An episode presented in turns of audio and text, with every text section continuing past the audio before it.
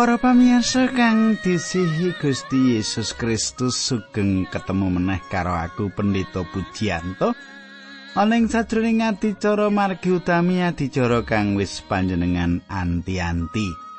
Kepiye kabar panjenengan ana ing patemon kita iki? Kadangku apa panjenengan diberkahi Gusti apik-apik tansah bagas waras? Iyo pandung aku saka batu sak kanca saka batu tansah ndongake panjenengan supaya kabeh sing ngrungokake adicara margi utami iki tansah jinangkung dening Gusti Allah. Kaparingono kabejan. Mengkono sugeng midhangetake adicara iki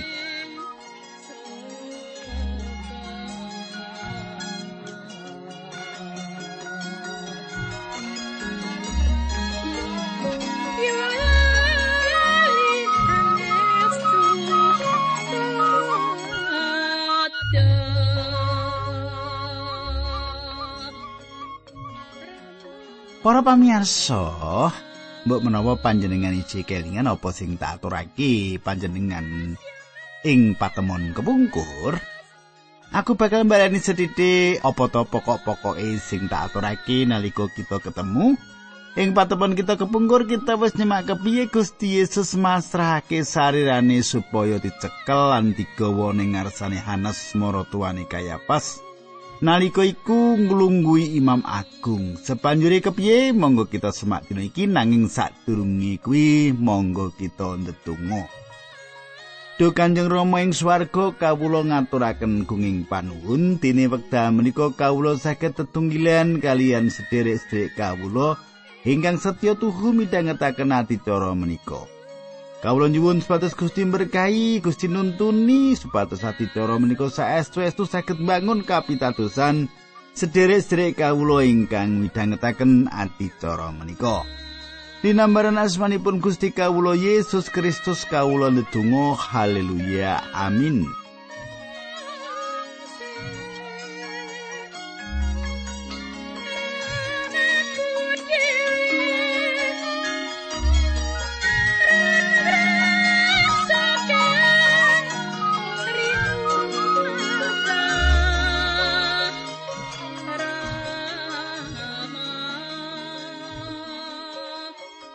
Kadangku kang dak tresnani pasinaon kita saiki wis ngancik Injil Yohanan utawa Yohanes 18 ayat 15 kang mengkene surasane mengko maju mboko seketik.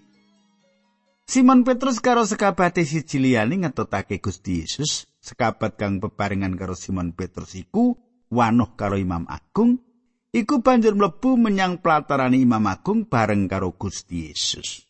Kadangku coba digatekke pangandikan sing wis tak waca mau. Kang disebutake sekabat liyane ing kene cetha banget yen kuwi Yohanes, ora ana wong liya, Yohanes. Yohanes sing kene wungune duwe pasrawungan karo wong-wong kang ana ing Yerusalem lan yo awit nggone duwe pasrawungan kuwi Yohanes bisa antuk ijen mlebu ana ing kraton Imam Agung kuwi. Yohanes wungune kenal banget karo wong-wong kang ana ing lingkungan kono lan kanggone Yohanes kanggo mlebu ing lingkungan kraton Imam Agung kuwi babar pisan ora andadekake kawigatene wong akeh. Nanging tumrape Petrus bab pengkulo iku banget dening bebayane yen nganti Petrus mlebu ing platerane Imam Agung kuwi. Dheweke kudu ngadeg ana ing jaban regol wae. Saiki 16 Nanging Petrus kari ana ing jaba cedhak regol, murid liyane kang wanuh Imam Agung mau tumuli metu meneh. Caturan karo wong wadon kang tunggu regol, Petrus banjur diajak mlebu. Katengku, Yohanes duwe ijen kanggo mlebu. Nanging Petrus kang asale saka wong amek iwak kang ora dikenal, dheweke ora bisa mlebu menyang mrono. Yohanes nyetakake marang wong wadon kang dadi tukang jaga regol mau yen Petrus iku kancane, awit saka iku Petrus diidinake bisa mlebu. Panjenengan pirsa. Yohanes wis kulino ana ing papan kono, nanging kanggone Petrus durung tau mlebu. Simon Petrus sing wektu kuwi wedi banget. Panjenengan pirsa Yohanes wis kulino ana ing papan kono, nanging Simon Petrus durung tau mlebu ing kono bebarengan karo kumpulane wong-wong kuwi. Pitakonan kang ora misra saka abdi wadon wae andadake Petrus nyelaki Gusti Yesus. Ing kene ana kang bisa ditrapake ana ing urip kita. Panjenengan lan aku ora duwe hak babar pisan kanggo ngremehake wong Kristen liyane. panjenengan lan aku kuwi ora duwe hak ora diwenang kanggo ngremehake wong Kristen liyane. Wong Kristen kang liyane bisa uga wis tau nglewati kahanan kang anggone panjenengan durung tau nglewati. Salah gedhe. Kanggone Petrus mlebu ing latar iki nanging bab mlebu ing latar kraton Imam Agung kuwi kanggone Yohanes ora dadi perkara apa-apa. Saiki ayat pitulas. Abdi wadon kang tunggu regol mau tumuli celatu marang Petrus. Ndika niku rak inggih panunggalane sekabat wong niku ta?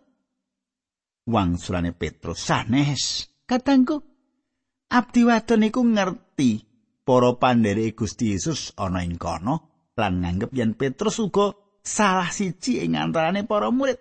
Ayat 12. Ing nalika iku para abdi para tukang jaga pedalaman suci wis padha gawe bediang marga ing wektu iku hawane adem wong-wong iku padha ngadeg api-api ana ing kono Petrus uga ngadeg api-api awor karo wong-wong mau.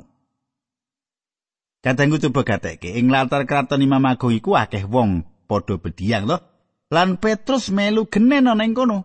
Ayat 19 lan 20 Ing kono Imam Agung banjur wiwit ndangu marang Gusti Yesus bab para sekabate lan bab kang diulangake. Wangsulane Gusti Yesus anggonku mituturi jagat iku ana ing ngedengan. Anggonku mulang ing salawase ana ing papan-papan pangibadah utawa pedalaman suci. Yaiku papan pakumulane kabeh wong Yahudi. Aku ora tau rembugan apa-apa kalawan dedelian. Ayat 21. Apa sebabe kowe takon marang aku? takono marang wong-wong iku kang wis padha krungu apa kang ndak kandhake marang wong-wong iku iku wis padha nyumur pitemenan apa kang ndak kandhake Kadangku cerita iki bali meneh nritakake kepiye Gusti Yesus diadili. Ayat 23 lan 24. Nalika panjenengan ngendika mengkono iku panunggalane para tukang joko kang ngadeg sak cedhake kono banjur napuk pasuryane Gusti Yesus kambi celatu mengkono iku sautmu marang Imam Agung. Gusti Yesus tumuli mangsuli pangandikane menawa tembung kuwi luput. Tuduhno luputi. Nanging menawa bener sebab apa kowe kok napo aku? Kadangku Gusti Yesus nelokake badane nganti sedo kanggo dosa panjenengan lan dosaku. Nanging Gusti Yesus ngrurui wong-wong mau atas patrap kang urang bener kang mau lelawanan karo pepakone Nabi Musa. Wong-wong mau ora duwe seksi kang mratelake yen Gusti Yesus kuwi nindakake piolo nanging malah napuk pastor Yali. Sejatine malah wong-wong mau sing nerak pepakone Musa. Uga bab kang perlu dingerteni nindakake pengadilan ora kena diwiwiti ing wayah bengi utawa dipungkasi ing wayah bengi. Sawijining pengadilan malah ora itu diwiwiti lan dipungkasi ing dina kang padha. wong-wong mau ora kena nglarani tawanan kang durung kabukti luput iku aturane. Lah ora apa-apa luput elung ditemtokake wis ditapuk papuk papuk. Jenengan mesti krasa iso ngrasake kaya ngopo panandangi Gusti Yesus, ya toh? Ayat 4 coba semak. Gusti Yesus banjur kapurukake kalawan kak menyang ingarsane sang kayapas kang jumeneng Imam Agung. Kadangku Yohanes nulis ayat cekak iki kanggo nerangake yen Hanas iku kang mesta Gusti Yesus. Hanas iku kang rancang lan duwe rencana nganake pasekuton ala iki. Ayat selawe tekan pitulikur mengkini suratane Simon Petrus sisih ngadeg api-api. Tembungi wong-wong kang ana ing kono marang Petrus ndika ra inggih panunggalane sekabat toh? Petrus selak pangutape sanes. Sawijine abdi Imam Agung kalebu sana ikang kaperung kupingi tining Petrus tumuli celatu. Napa kula mboten weruh ndika wonten ing petamanan sareng kalih wong niku? Petrus banjur selak maneh lan nalika iku ana jago kluruk. Kadangku panjenengan semak pengantikan sing wis ndak waca mau Petrus nyelaki Gusti Yesus. Nanging syukur marang Allah awit Gusti Yesus lagi tumuju menyang kayu salib kanggo Petrus lan malah panjenengane wis nerangake marang Petrus yen panjenengane wis ndedonga supaya imane Petrus ora tiba. Kepiye bisa dumati Simon Petrus kang nindakake patrap kang kejem kaya kang ditindakake Yudas bisa bali meneh marang Gusti? Awit Petrus iku putrane Allah. Lan apa kang ditindakake banget ngremuk atine? Wong kang dadi putrane Allah bisa uga ngedoh karo Allah, nanging Allah ora tau ngedoh karo wong iku. Gusti Yesus ngatingalake sarirane pribadi marang Petrus sawise panjenengane wungu lan panjenengane milih Petrus supaya Petrus ngutbahake khotbah kang kawitan sawise dina Pentakosta. Ora tau ana khotbah kang bisa ngimbangi khotbah kang ditindakake Petrus kuwi. Gusti Yesus tansah nuntun panjenengan bali. Ayat selawi. Gusti Yesus banjur diladosake saka ing dalem Imam Agung kaya pas menyanging gedung pengadilan nalika iku wayahe sesuk kang ladosake mau padha ora lumebu dhewe ing gedung pengadilan supaya aja kongsi kena ing najis awit arep padha mangan Paskah. Kadangku kang tresnani ana perkara kang perlu dadi kawigaten kita ing kene kang aku kepengin panjenengan gatekake. Kita ndeleng agama lan pribadi Gusti Yesus bareng. Bareng-bareng kita ndeleng agama lan pribadine Gusti Yesus. Ing kene kita nyemak Gusti Yesus kang wis rawuh kanggo ngganepi Paskah. Gusti Yesus bakal sedo ing kayu salib awit wong-wong lagi mbudidaya kepiye supaya Gusti Yesus kapatrapan paukuman pati nanging? Nanging awit wong-wong mau kepengin mangan Paskah wong-wong iku ora gelem mlebu ing gedung pengadilan. Menawa wong-wong mau mlebu menyang gedung mau mula wong-wong mau bakal dadi najis. Kaya ngapa ngidap-idapine wong-wong mau nggone njogo kesalian gegayutan karo agamane nanging wong-wong mau ngrancang patine Gusti Yesus kang dadi panggenepane kanggo Paskah. Apa panjenengan mung dadi wong-wong kang bangun turut marang agama utawa panjenengan kalebu wong-wong kang dadi siji karo Gusti Yesus? Pitakonku marang panjenengan. Apa panjenengan mung dadi wong-wong kang bangun turut marang agama apa panjenengan kalebu wong-wong kang dadi siji karo Gusti Yesus. Sedulurku kang dak tresnane Pilatus sabenere ora seneng Yerusalem. Pilatus luwih seneng ana ing Kaisaria kang cerak karo pinggiring segara kanthi tepining segara kang indah. Ing dina riya iku Pilatus ninggalake Kaisaria lan lunga menyang Yerusalem karo nggawa sak ponto prajurit. Awit dhewe iku gubernur Rom kang duwe tanggung jawab njaga ketertiban nalika wong-wong Yahudi sejagat padha teka kumpul ing Yerusalem yaiku kang dadi sebab nganti Pilatus ana ing Yerusalem nalika iku. Saiki tak waca iki ayat 29 nganti 32 panjenengan semak. Mula Sang Pilatus kang miyos sarta ngandika panggugat marang wong iku bab perkara apa Wong-wong mau padha mangsuli aturi menawi tiyang menika sanes durjana mesti mboten kula ladosaken dhateng panjenengan. Dawe Sang Pilatus wis gawanen. Patrapono miturut angger-anggering toretmu. Aturi wong Yahudi, kula mboten sami kawenengaken matrapi paukuan percaya dhateng tiyang. Kang mengkono iku supaya kayektenono pangandikane Gusti Yesus kang dipangandikake kagem mratelake kepriye patrap bakal sedani. Panjenengan semak pangandikan sing tak waca mau saiki coba Pilatus rumangsa yen ana bab-bab kang ora beres. Lan Pilatus budidaya uwal saka kala iku. Iki kala ya. Jebakan. Sang Pilatus ngongkon wong-wong Yahudi supaya ngerampungake dhewe kang dadi permasalahane. Sang Pilatus ora bener-bener paham kekaitan karo apa kang sak bener itu mati. Kang dadi perkarane yaiku awit. Wong-wong Yahudi kepengin matrapi paukuman pati. Lan wong-wong Yahudi kudu nglakoni yen wong-wong mau dudu bangsa kang duwe kawenangan lan hak kanggo matrapi paukuman pati. Perkara iki banget dening narik kawigaten. Wong-wong kuwi dipeksa ngakoni kahanan kang sakbenere minangka bangsa kang dijajah. Sawise wong-wong mau kanthi gumunggung kondo kang ditulis ing Yohanes 8 ayat 33. Kulo sami tedhak turunipun Rama Abraham lan dereng nate kawulon dateng sok tiango kados pundi kok panjenengan ngendika kowe bakal padha merdika. Kadangku Yohanes nerangake yen perkara iki ngganepi apa kang wis diweca dening Gusti Yesus. Gusti Yesus wis paring pangandika marang para sekabat yen para pemimpin agama Yahudi bakal matrapi paukuman mati marang panjenengane lan panjenengane bakal dipasrahake marang bangsa-bangsa liya. Gusti Yesus ngendika gegayutan perkara iki sawetara wulan sadurunge lan saiki panjenengane ana ing kono digawa ing ngarepe Sang Pilatus kang dadi wakil pamerintahan Rom dening para pemimpin agama kang duwe kekarapan supaya Gusti Yesus dipatrapi paukuman pati.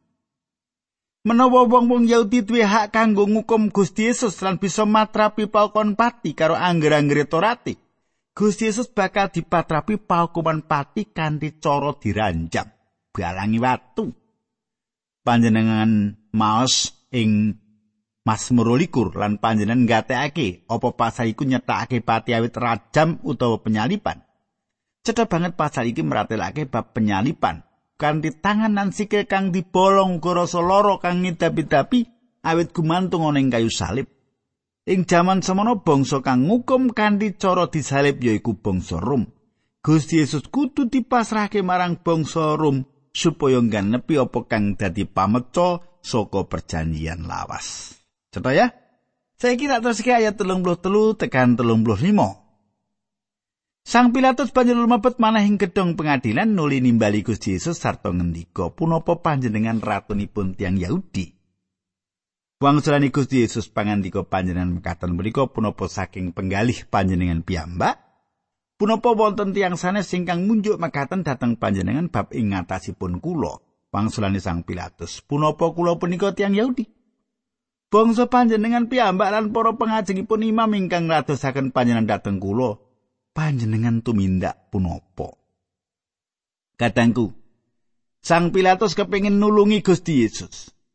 Sang Pilatus ana ing sajroning gedhong pengadilan iku mung wong loro wae karo Gusti Yesus. Wong-wong Yahudi ngenteni ana ing njaba, wit wong-wong mau ora gelem kena ing najis. Sang Pilatus bakal seneng banget yen Gusti Yesus ngendika yen panjenengan iku dudu ratu lan kanthi Gusti Yesus nyelaki mangkono, mula Sang Pilatus bakal uwal saka kala kahanan iku. Sopo kang sak benere nuju diadili? Sang Pilatus apa Gusti Yesus? Ayat 36 nganti 30 pitu mangko tak waca iki saiki 36 dhisik. Gusti Yesus bangsuri kraton kula mboten saking donya menika menawi kraton kula saking donya menika mesti tiang-tiang kula sami lumawan ing perang supados kula sampun ngantos kaulungaken dhateng tiang-tiang Yahudi nanging kraton kula mboten saking ngriki kadangku kraton kula mboten saking donya menika. Tembung kang ana ngarep ing ukara iki ing sajroning basa Yunani yaiku ek kang ateges ana njaba. Secara hurufiah Gusti Yesus ngendika kratonku iku ana ing sakjabaning jagat iki. Gusti Yesus ora ngendika yen kratone ora bakal ngalimputi ing jagat iki, awit besok panjenengane bakal dadi raja atas kabeh raja lan Gusti atas kabeh bendoro. Kratone ora bakal diwangun atas landesan politik. Kratone ora teko kanthi cara-cara kadonyan. Kratone ora bakal kawangun kanthi cara perang lan gegeran uga rasa sengit lan rekoso. Kosok baline Sang Pilatus yaiku wong politik kang ora lenteng kang nuku kalungguhane saiki lan Sang Pilatus kuwi bonekane panguwasa Rom. Sang Pilatus sengit karo wong Yahudi nanging dheweke wedi natoni atine wong-wong Yahudi awit yen nganti natoni atine wong-wong Yahudi bisa Sang Pilatus kelangan kalungguhane. Gusti Yesus babar pisan ora lumawan. Petrus wis mbudidaya mbelani panjenengane nanging Gusti Yesus paring dawuh marang Petrus supaya ngrangkakake pedangi Gusti Yesus ora ngwangun kratone saka sistem politik kang ana ing jagat iki Kadangku gereja uga ora bisa mbangun kratone Kitab suci mulangake kanthi cetha yen ing jaman iki Sang Kristus lagi nglumpukake umat kanggo asmane. Lelakone para rasul 15 ayat 14. Wong-wong mau yaiku eklesia utawa wong-wong kang ditimbali kang disebut gereja. Wong-wong mau yaiku wong-wong kang ditimbali metu saka jagat supaya urip ing sakjroning jagat nanging wong-wong mau dudu darbe jagat. Waktune bakal kelakon nalika Gusti Yesus bakal nggawa gereja metu sakwutuhe saka jagat. Ya ing wektu iku nalika Sang Kristus rawuh ing sadurunge kratone, panjenengan ingkang bakal neguhake kratone iku. Ayat 37 saiki. Sang Pilatus banjur ngendika, "Dados punapa panjenengan menika inggih ratu wangsulane Gusti Yesus?" Panjenengan sampun mestani pilih kula menika ratu, inggih menika perune kula lahir lan inggih menika perune kula dateng donya. supados kula neksenana ing kayektosan sinten tiyang ingkang asilipun saking kayektosan mesti mirengaken swara kula katanggu Sang Pilatus rumangsa bingung banget ing perkara iki Gusti Yesus lagi nyoba nerangake marang Sang Pilatus Panjenengane paring keterangan yen perkara kang paling penting ing sakjroning kraton yaiku kayekten. Panjenengan semak ing Mazmur 45 ayat 2 5, atiku ngluberake tembung kang ngresepake. Aku arep ngunjukake kekidunganku marang Sang Prabu, ilatku iku dadi pene juru tulis kang wasis. Panjenengan dalem punika ingkang bagus piyambak wonten ing antawisipun sak katahing para anakipun manungsa lati dalem kasokan ing kamirahan. Pramila panjenengan dalem sampun dipun berkahi dening Gusti Allah ing selami-laminipun dusang prawira pedang dalam panjenengan dalam sengkelit ing salebeting kaluhuran so kamulyan dalam ing salebeting kamulyan dalam punika kawula aturi majeng demi karesan peri kamangsan soho keadilan Saiki ayat telung puluh wolu ya pangandikani sang Pilatus kayak tusan menika menopo. Sawise ngendika mengkono sang Pilatus tumli manggi wong-wong Yahudi maneh sarta ngendika munggo ngaku wong iki ora ana kalebutane apa-apa. Katengku kan tak tersani apa sang Pilatus pancen bener-bener bingung. Dewi ngatek ana ngarsane Gusti Yesus kang dadi dalan. Ngatek ana ngarsanipun Gusti Yesus kang dadi kayekten kang dadi kauripan.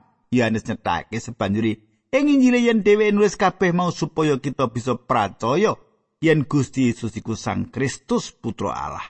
Apa Gusti Yesus iku kayekten kanggone panjenengan? pitakonku. Ayat 39. Nanging kowe padha duwe adat semangsa riya Paskah, kowe padha ndak lilani nyuwun luare. Wong siji kang iku apa karepmu kang ndak lilake marang kowe ratune wong Yahudi. Kadangku sang Pilatus mbudidaya tenanan supaya ora gawe putusan lan dheweke nawakake supaya nguwalake Gusti Yesus nanging kepriye tanggapane wong wong Yahudi. Ing kono wong-wong padha bengok maneh sampun piyambakipun Barabas kemawon. Ana dene Barabas iku sawijining pegat. Kadangku Pilatus ora tau ngimpi. Ora tau ngimpi yen wong-wong kang bangun turut marang agama iku bakal ngrimuk wong akeh nganti njaluk supaya Barabas kang diwalaki.